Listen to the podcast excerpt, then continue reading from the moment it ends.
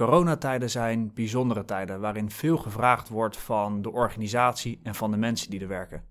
Hoe gaan we om met de onzekerheid, de onduidelijkheid en alle veranderingen waar we mee te maken krijgen?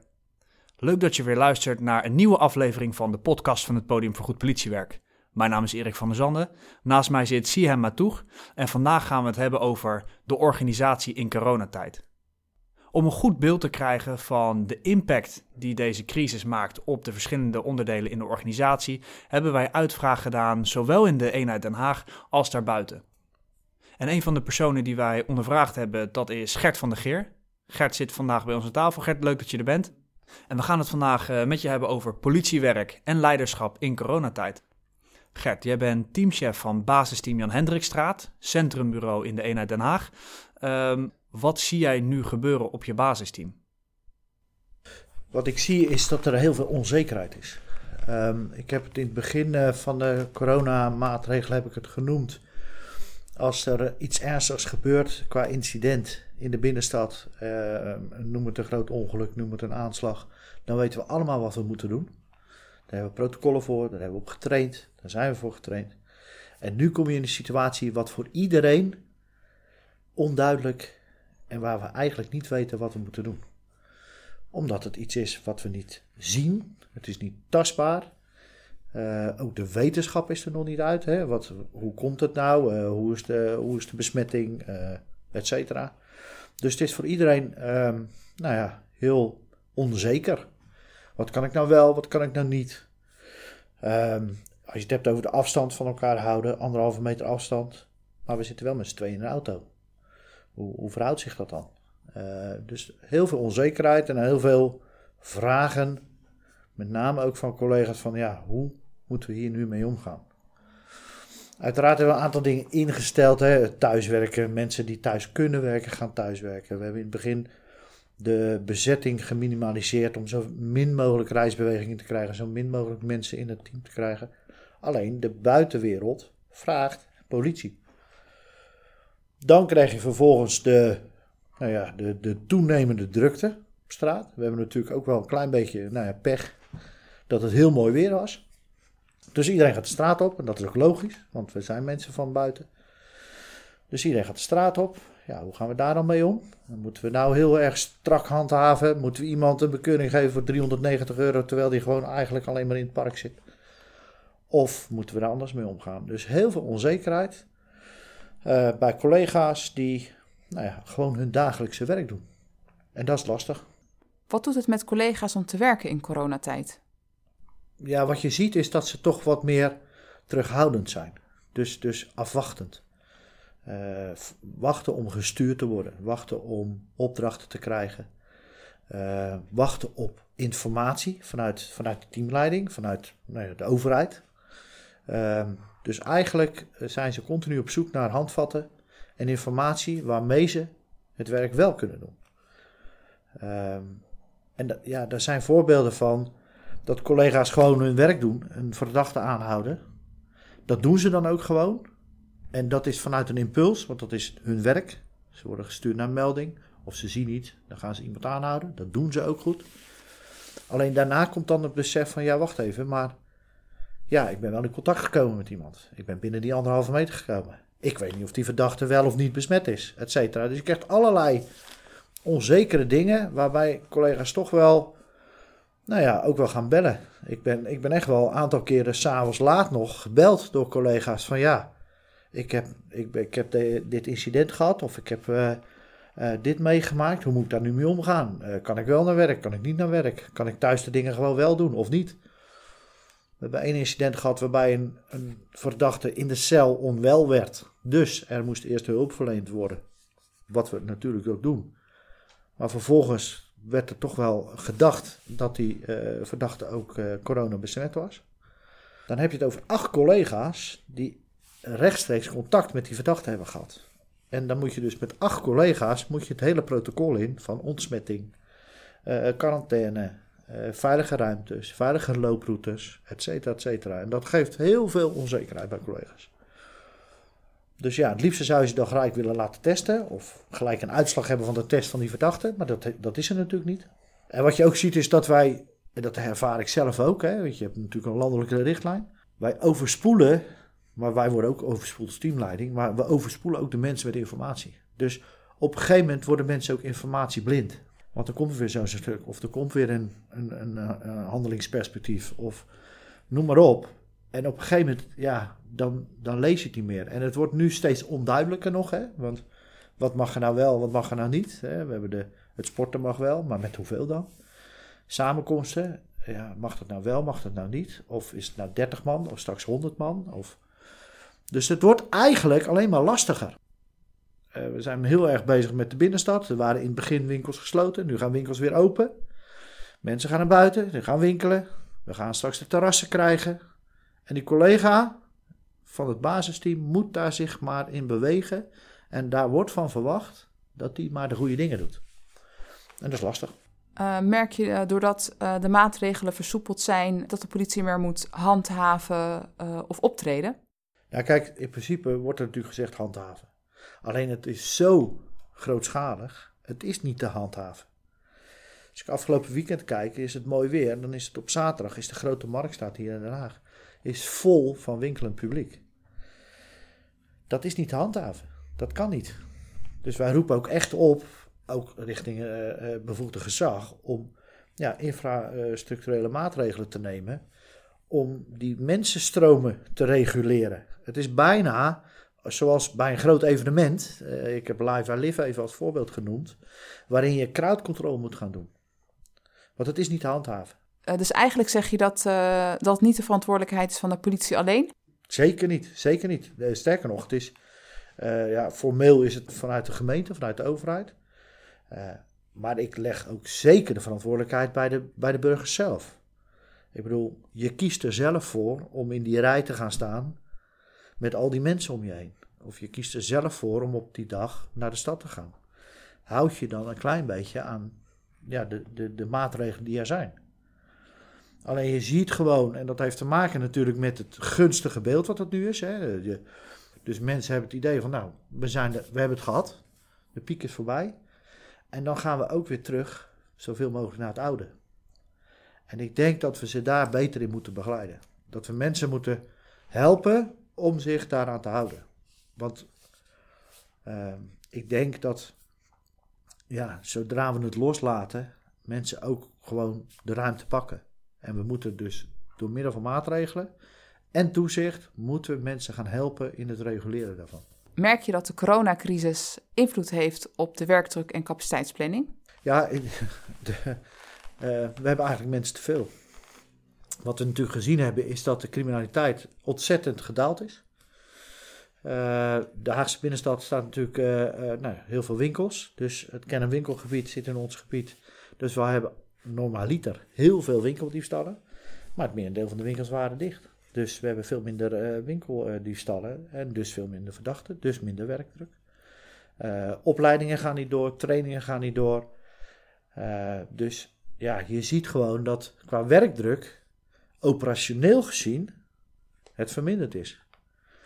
Alleen het is wel drukker geworden omdat we met hele andere uh, dingen te maken krijgen. We krijgen met meldingen te maken over feestjes die gegeven worden. Uh, we, krijgen, we zien parken die vollopen. We zien die ene ondernemer die, nou ja, net even die randjes opzoekt van de, van de maatregelen en de wet om toch zijn geld te verdienen. Wat heel logisch is, maar wat weer andere mensen aantrekt. Dus op dat gebied krijgen we het weer wat drukker. Met een, eigenlijk een onbekend fenomeen.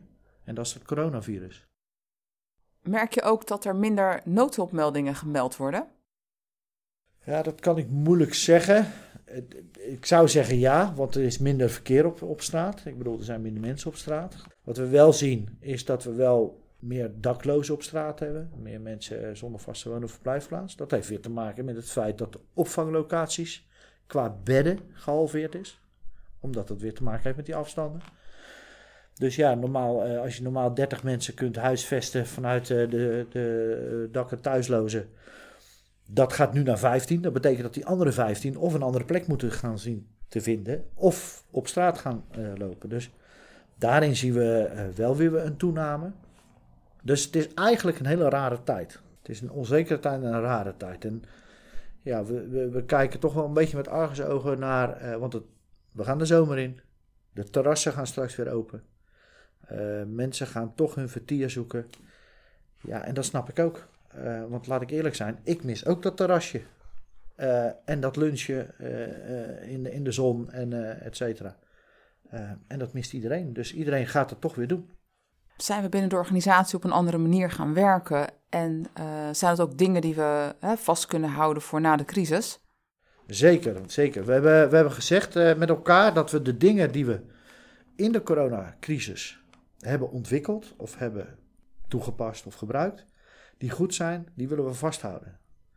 Een goed voorbeeld is het eh, eh, conference call of via Teams met elkaar een videocall.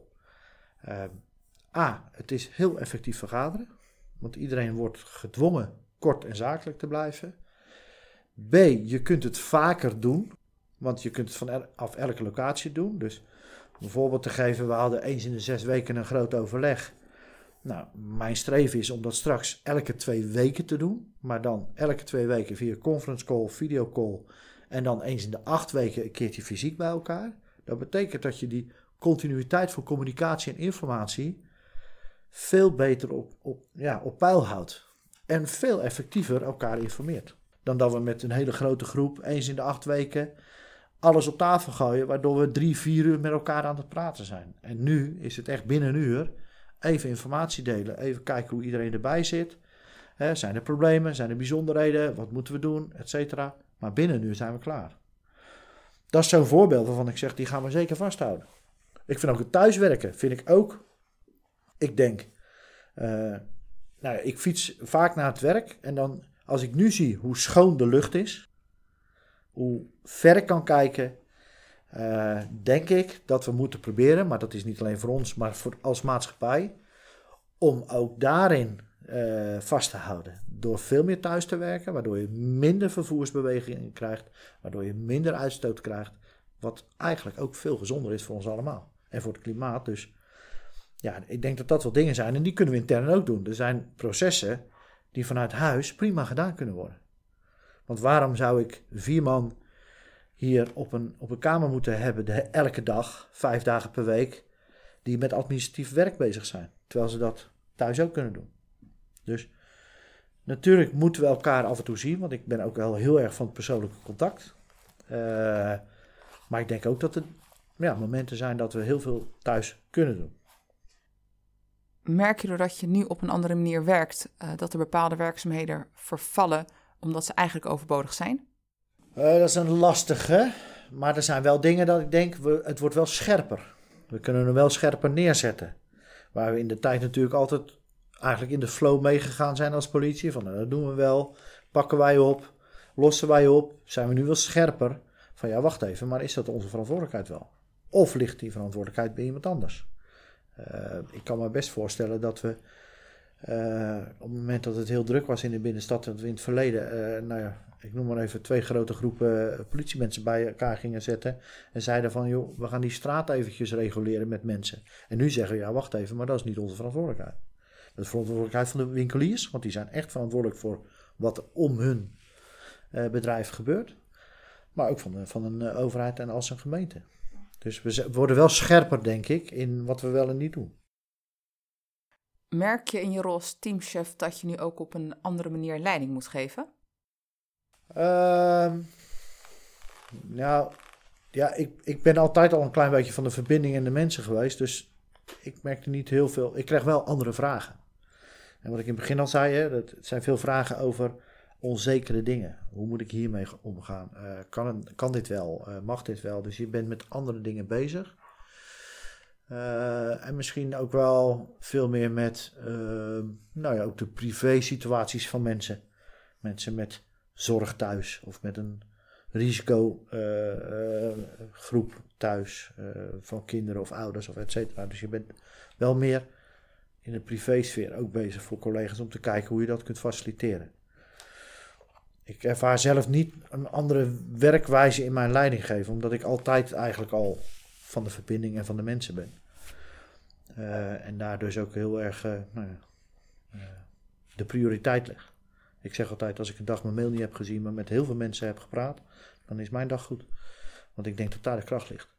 Die mail die is eigenlijk ballast.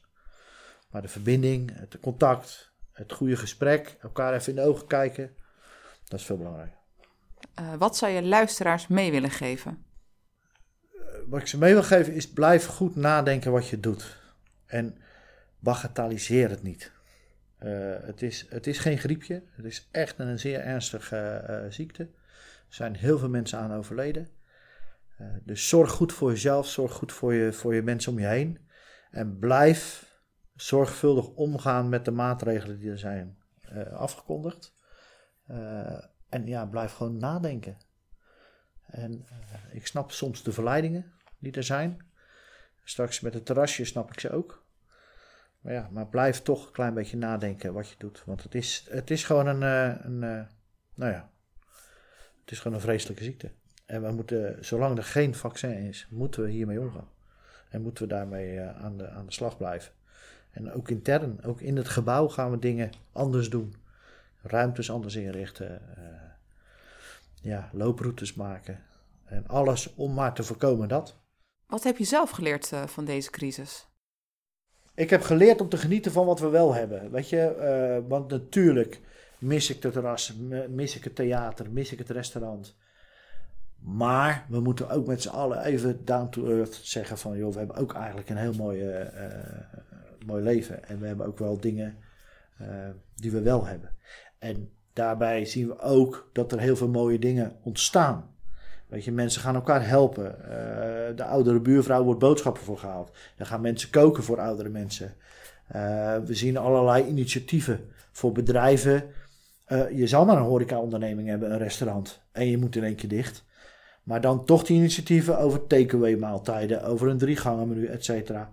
Weet je, dat zijn ook wel weer mooie dingen. Dus daarom zeg ik, er zijn wel hele mooie dingen die we geleerd hebben. En, ik denk ook dat we daar goed in zijn. dat we in tijd van crisis dichter tegen elkaar aankruipen. En dat zie je nu gebeuren. En dat vind ik ook wel mooi. Als je kijkt bijvoorbeeld naar de Ramadan, hè, dat is ook een, een, periode uh, ja, waarbij iedereen toch gewend is om veel bij elkaar te zijn, veel op straat te zijn. Ook daar is gewoon een soort ja, aanpassing gekomen, maar toch kan iedereen genieten van de Ramadan. Dus ja, weet je, we passen ons wel goed aan en we kruipen wel dichter tegen elkaar. Ja, dat vind ik wel mooi om, om te zien. Gert, uh, dankjewel voor dit gesprek. Ja, CM, zoals ik al zei, we hebben een uitvraag gedaan bij collega's zowel binnen als buiten de eenheid. Kun je ons meenemen in de antwoorden die we daarop gekregen hebben? Ja, uiteraard. Uh, we hebben een aantal vragen gesteld waar we hè, focussen op nieuwe inzichten, uh, de kansen en gevolgen. De antwoorden op het gebied van nieuwe inzichten is dat telewerken steeds beter wordt. hierdoor krijgen collega's veel meer lucht en ruimte. De wijkagenten hebben meer tijd om uh, terugbelverzoeken af te handelen. Maar ook het vergaderen wordt gewoon veel effectiever en efficiënter uh, op deze manier. Als we kijken naar de kansen, geven collega's aan dat we als organisatie kritischer moeten gaan kijken naar de opleidingen die collega's volgen. Zijn ze nou, moet dat nou echt allemaal? Uh, zijn ze noodzakelijk? Uh, er is een meer intensievere samenwerking met de gemeente uh, door deze situatie waar we in zitten. De, de wijken, of de, organisatie is digitaal meer verbonden met de wijk. Waar we ook nog een, een grote kans zien, is dat we op ICT-gebied echt nog een beetje achterlopen op andere organisaties en dat we daar een inhaalslag in kunnen maken. Als we kijken naar de gevolgen van deze crisis, het meer thuiswerken staat hoog op de agenda. Dus veel mensen geven aan dat dat een, ja, een belangrijke pijler is. maar er zijn ook collega's die aangeven hè, dat we ook een beetje bang zijn dat we weer snel terugvallen in oude patronen. En dat heeft te maken dat, hè, dat we mensen zijn en graag contact hebben, persoonlijk contact hebben met elkaar. Achterstanden in de veelheid werk van de, de afdeling VVC. Dus daar ligt echt nog wel een uitdaging na de crisis. De verlofuren die op dit moment worden opgebouwd, ja, wat gaan we daar straks mee doen? En de criminaliteit is op dit moment gedaald, maar ook daarin geven collega's aan, ja, dat zou straks wel erg kunnen oplopen. En het gevolg is ook dat we efficiënter gaan werken. Ja, mooi CM, dankjewel. Herken je dit als luisteraar of loop je tegen hele andere dingen aan? Of zie je juist hele andere kansen die we vandaag nog niet benoemd hebben? Neem dan contact met ons op, want dan horen we het graag. Volgende week dan zijn we weer terug met een nieuwe aflevering. Dan zitten Eva Terlaak en Marcia van Wiltenburg bij ons aan tafel. En dan gaan we het hebben over Scrum. Bedankt voor het luisteren. Tot volgende week.